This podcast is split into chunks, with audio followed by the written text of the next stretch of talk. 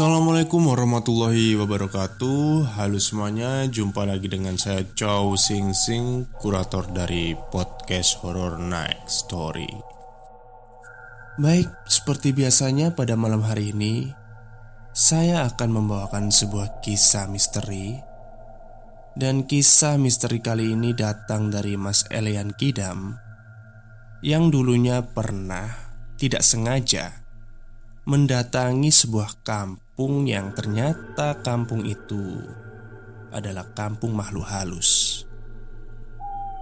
Seperti apa kisahnya? Mari kita simak.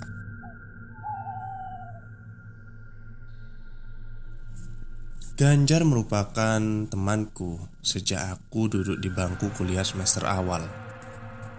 Dahulu, kami kenal saat masih sama-sama ospek di kampus di salah satu universitas di kota Bandung. Suatu ketika di tahun 2014, ia mengajakku main ke rumahnya di daerah Karawang. Katanya sih rumahnya bukan di kotanya, melainkan agak pelosok sedikit. Tapi bagiku nggak masalah Selama ia dan keluarganya tidak keberatan jika aku bermain dan menginap beberapa hari untuk mengisi liburanku yang cukup panjang. Awalnya aku berniat membawa motorku, tapi kemudian ia menawariku untuk ikut saja menggunakan motor metiknya. Jujur saja, sebenarnya aku agak sedikit ragu jika harus menggunakan motor metiknya. Aku hafal betul motor itu sering kali mati mendadak, dan kadang dia mati total karena memang kondisinya sudah kurang bagus, apalagi untuk perjalanan jauh. Tapi berhubung dia memaksa dengan alasan biar lebih enak, hemat waktu, dan gak terpisah saat perjalanan, akhirnya aku mengiyakan. Ditambah ia meyakinkanku bahwa motornya sudah diservis. Singkat cerita, hari itu aku masih ingat. Hari Kamis, aku menitipkan motorku di kosan.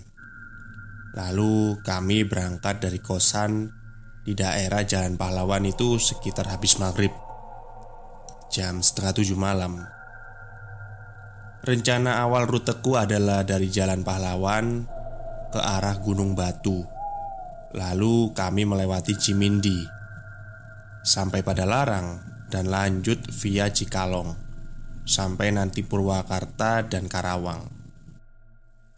Ganjar mulai memacu motornya Dan sepanjang jalan kami mengobrol sambil aku makan cemilan yang kubawa. Hari itu jalanan macet sekali Tidak seperti biasanya. Kendaraan tidak banyak bergerak dan suara klakson mobil tidak henti saling bersautan. Kami pun memutuskan memotong jalan untuk menghemat waktu karena perkiraan kami seharusnya jam 10 malam nanti sudah sampai di Karawang. Jalan-jalan yang kami masuki pemukiman padat warga. Kami lewati sampai akhirnya setelah melalui jalan yang berkelok-kelok, kami sampai di daerah Cimahi di sana, aku mulai melihat Ganjar sering kali menggigil dan menggeleng-gelengkan kepalanya. Sepertinya dia kurang sehat. Ditambah beberapa kali ia hampir menabrak pengendara lain. Aku pun segera menawari ganti posisi. Biar gue yang bawa aja, Bray. Lu bonceng sambil makan roti di tas gue nih. Namun Ganjar menolak. Ia cuma bilang, "Nanti kita istirahat dulu saja di tukang makanan pinggir jalan." Ia meyakinkan kalau ini cuma masuk angin. Ya, akhirnya di dekat stasiun pada larang, kami menyimpang dulu ke tukang pecel lele. Aku memesan satu porsi pecel lele dengan nasi, tahu, dan kol goreng. Sedangkan Ginanjar hanya satu porsi ayam dengan nasi aja Kami makan dengan lahap Sampai tiba-tiba ia tersentak kaget saat melihat jam ternyata sudah menunjukkan setengah sembilan malam. Ia lalu mengajakku dengan buru-buru lanjut jalan karena perjalanan masih lumayan panjang. Kami pun lanjut lagi berangkat melewati daerah Cikalong. Seperti biasa, sepanjang jalan kami mengobrol dan alhamdulillah katanya badan dia sudah agak mendingan karena tadi perutnya sudah terisi. Motor terus dipacu sampai saat itu kami mulai merasa di sekeliling kami sangatlah gelap. Tidak ada lampu atau kendaraan yang melintas. Namun, dari kejauhan terlihat di depan kami ada cahaya lampu motor yang jumlahnya lumayan banyak. Ganjar mulai menghentikan motornya. Kami curiga itu adalah sekelompok tukang begal yang biasa beroperasi di jalur antar kota yang sepi seperti ini. Kami melihat gerombolan itu mengayunkan sesuatu. Mereka berteriak-teriak dan mulai mendekat ke arah kami. Karena kami takut, maka Ganjar langsung membelokkan motornya ke jalan kecil di samping kami. Jalan itu ternyata turunan dan gelap. Kami menyusuri jalanan sempit itu. Kami temui pohon bambu yang berbaris, pohon nangka, dan di situ ternyata kebun kosong. Sampai kami akhirnya keluar di sebuah jalan aspal yang di sepanjang jalan tersebut kiri kanannya terdapat pohon-pohon pisang yang ujung daunnya sudah mulai merunduk menyentuh tanah. Kami bingung harus ambil jalan ke arah kanan atau kiri. Dengan mengandalkan insting, kami membelokkan ke arah kiri saja. Jalan ini hanya muat untuk satu mobil. Dan sialnya Jalan ini hanya di aspal sepanjang satu kilo. Setelah itu jalan yang kami lalui adalah jalan rusak dengan bebatuan yang cukup besar. Motor kami tidak bisa lewat cepat. Terpaksa kami membawa motor pelan-pelan. Setelah kami melewati areal perkebunan pisang Yang cukup luas itu kami memasuki areal persawahan yang ternyata juga luas. Satu-satunya pencahayaan adalah dari motor kami. Di sini tidak ada rumah penduduk, warung, apalagi orang lewat. Kami hanya mendengar suara serangga malam saja. Lalu kami terus melaju sampai kira-kira 20 menit. Kami mulai masuk ke jalan yang semakin menyempit. Awalnya kami kira ini akan berakhir di jalan buntu Atau paling parahnya salah jalan. Karena saat itu kami benar-benar tidak tahu Sedang melewati area apa Kiri kanannya gelap. Aku tahu Ganjar saat itu sudah mulai panik. Aku pun sebenarnya merasakan hal yang sama. Jam menunjukkan pukul 11 malam. Ya, Sebelas malam. Fix kami tersesat. Tiba-tiba motor yang kami tumpangi mendadak mati. Kekhawatiranku terbukti. Berkali-kali di starter motor masih susah menyala. Kami lalu mendorong motor agak ke pinggir jalan dan memeriksa motornya.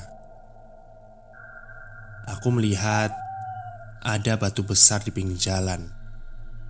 Lalu Aku letakkan tas ranselku di sana agar punggungku tidak berat dan lelah. Tapi saat ku perhatikan lebih teliti, itu bukan batu biasa. Itu adalah batu besar yang dipakai sebagai pembatas kuburan. Itu batu nisan. Astaga, aku benar-benar kaget saat itu. Aku coba perhatikan sekeliling Ternyata sekarang kami sedang berada di areal pemakaman yang besar sekali.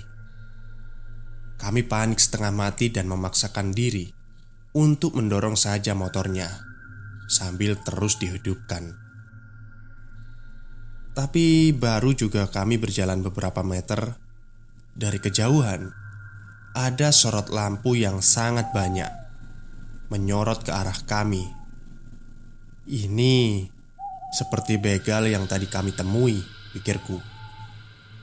Kami pun coba sembunyi di balik pepohonan yang besar yang ada di sana, sambil berdoa dengan doa yang kami bisa. Kami benar-benar pasrah waktu itu. Motor-motor itu pun terdengar lagi. Suasananya seperti hendak balapan liar. Benar saja, motor itu melaju ke arah kami. Tapi begitu mereka mendekat dan melewati kami, jantung kami dibuat seperti berhenti bernafas. Saat mereka melintas, kami melihatnya. Ternyata semua orang yang ada di motor itu tidak memiliki kepala dan menghilang begitu saja di tengah kegelapan. Aku dan Ganjar benar-benar lemas dibuatnya. Kaki kami seperti tidak mampu lagi berdiri saking syoknya. Perlahan kami terus beristighfar. Kami mencoba menenangkan diri setelah itu, kami coba lagi untuk menyalakan motor, dan syukurlah akhirnya bisa nyala. Kami senang, bukan main. Tanpa pikir panjang, kami lanjut perjalanan dengan sedikit lebih cepat menembus jalan yang rusak ini. Setelah 15 menitan motor kami melaju, dari kejauhan terlihat samar-samar pemukiman warga. Hati kami semakin lega. Setelah sampai di sana, ternyata benar itu adalah sebuah desa.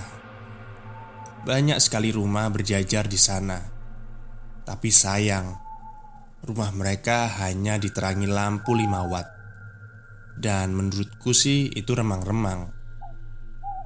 Di sana terlihat ramai sekali, seperti ada acara. Kami melihat ada seorang kakek-kakek bertelanjang dada membawa cangkul sedang berjalan. Spontan, kami berhenti dan bertanya, "Pak, mau bertanya, ini desa apa ya?" Bapak itu diam sebentar, lalu menoleh ke arah kami sambil tersenyum dan menjawab dengan suara berat, Kedasi. Kami bingung karena baru mendengar nama desa itu. Kami juga sedikit kurang nyaman ketika melihat ekspresi wajahnya yang nampak aneh. Sorot matanya tajam sambil bibirnya senyum tapi menakutkan. Setelah pamit kepada bapak tua tadi, kami melanjutkan perjalanan lagi, dan di sepanjang jalan kami melihat banyak sekali orang berdiri berjajar di depan rumah. Mereka memakai pakaian yang menurut kami agak aneh. Hampir semua wanita, tapi memakai pakaian seorang sinden, berkebaya lengkap dengan kain selendang. Mereka menari-nari diiringi suara gamelan. Perasaan kami benar-benar campur aduk saat itu. Ada rasa takut, ngeri, terpesona, dan merinding. Ya, semuanya jadi satu lah. Ekspresi wajah penduduk desa itu dingin.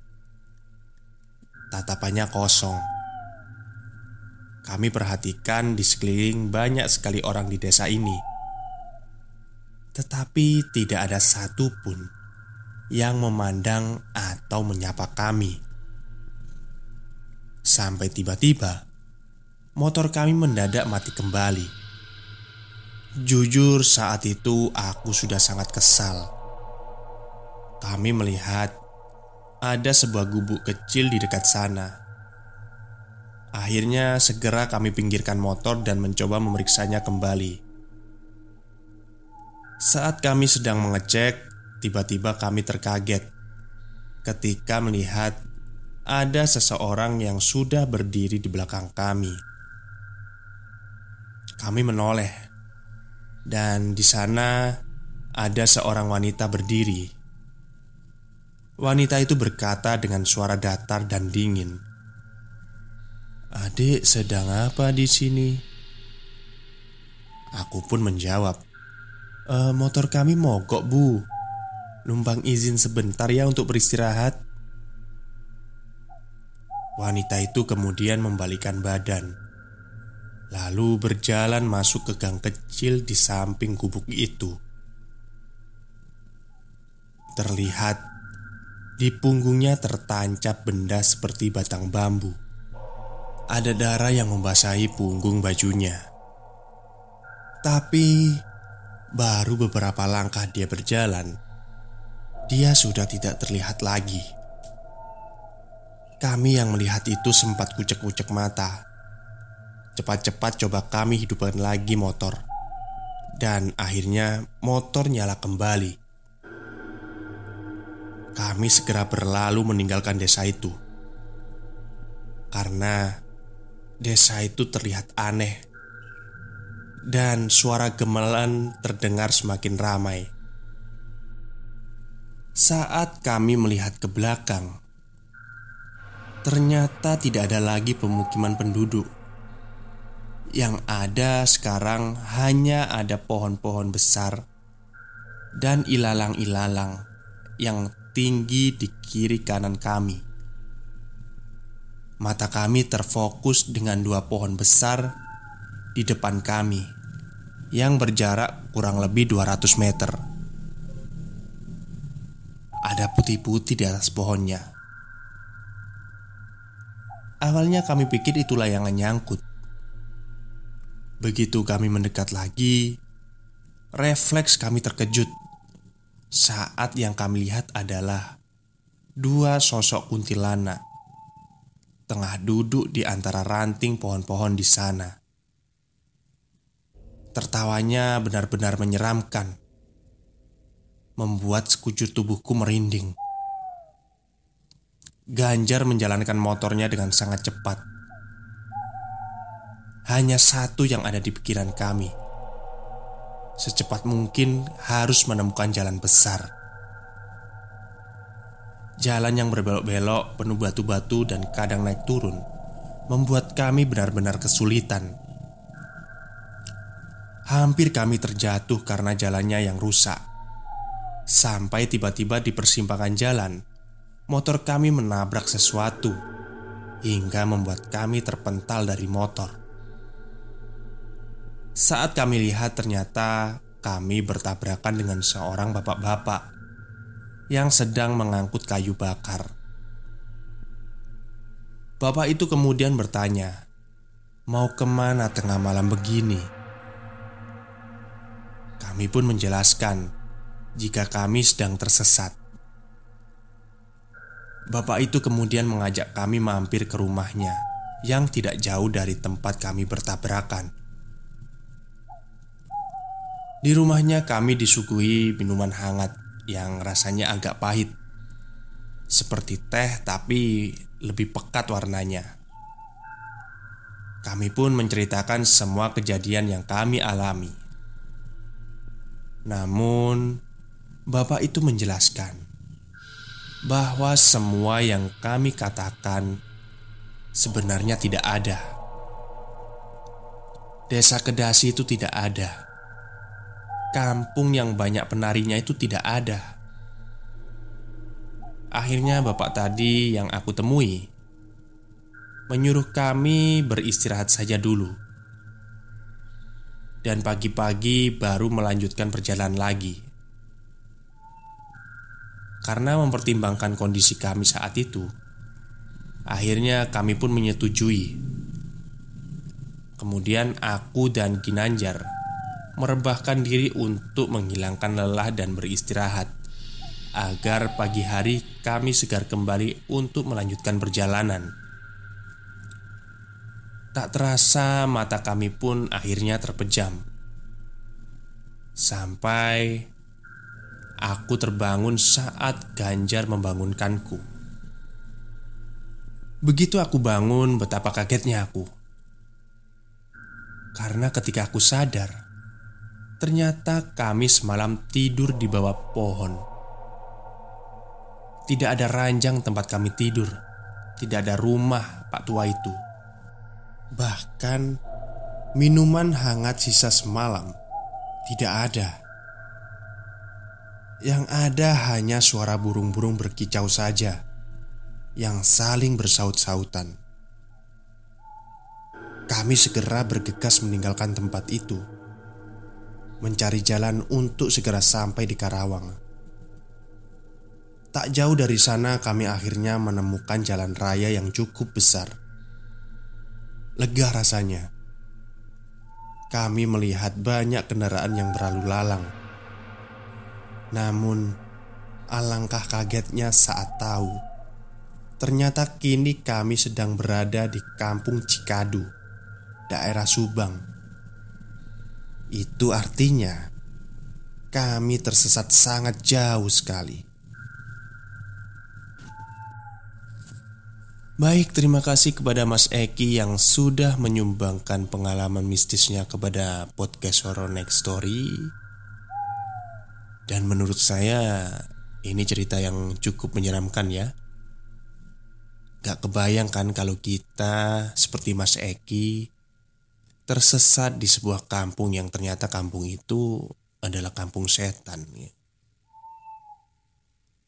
Oke, mungkin itu saja yang bisa saya sampaikan. Semoga Anda semua terhibur. Selamat malam dan selamat beristirahat.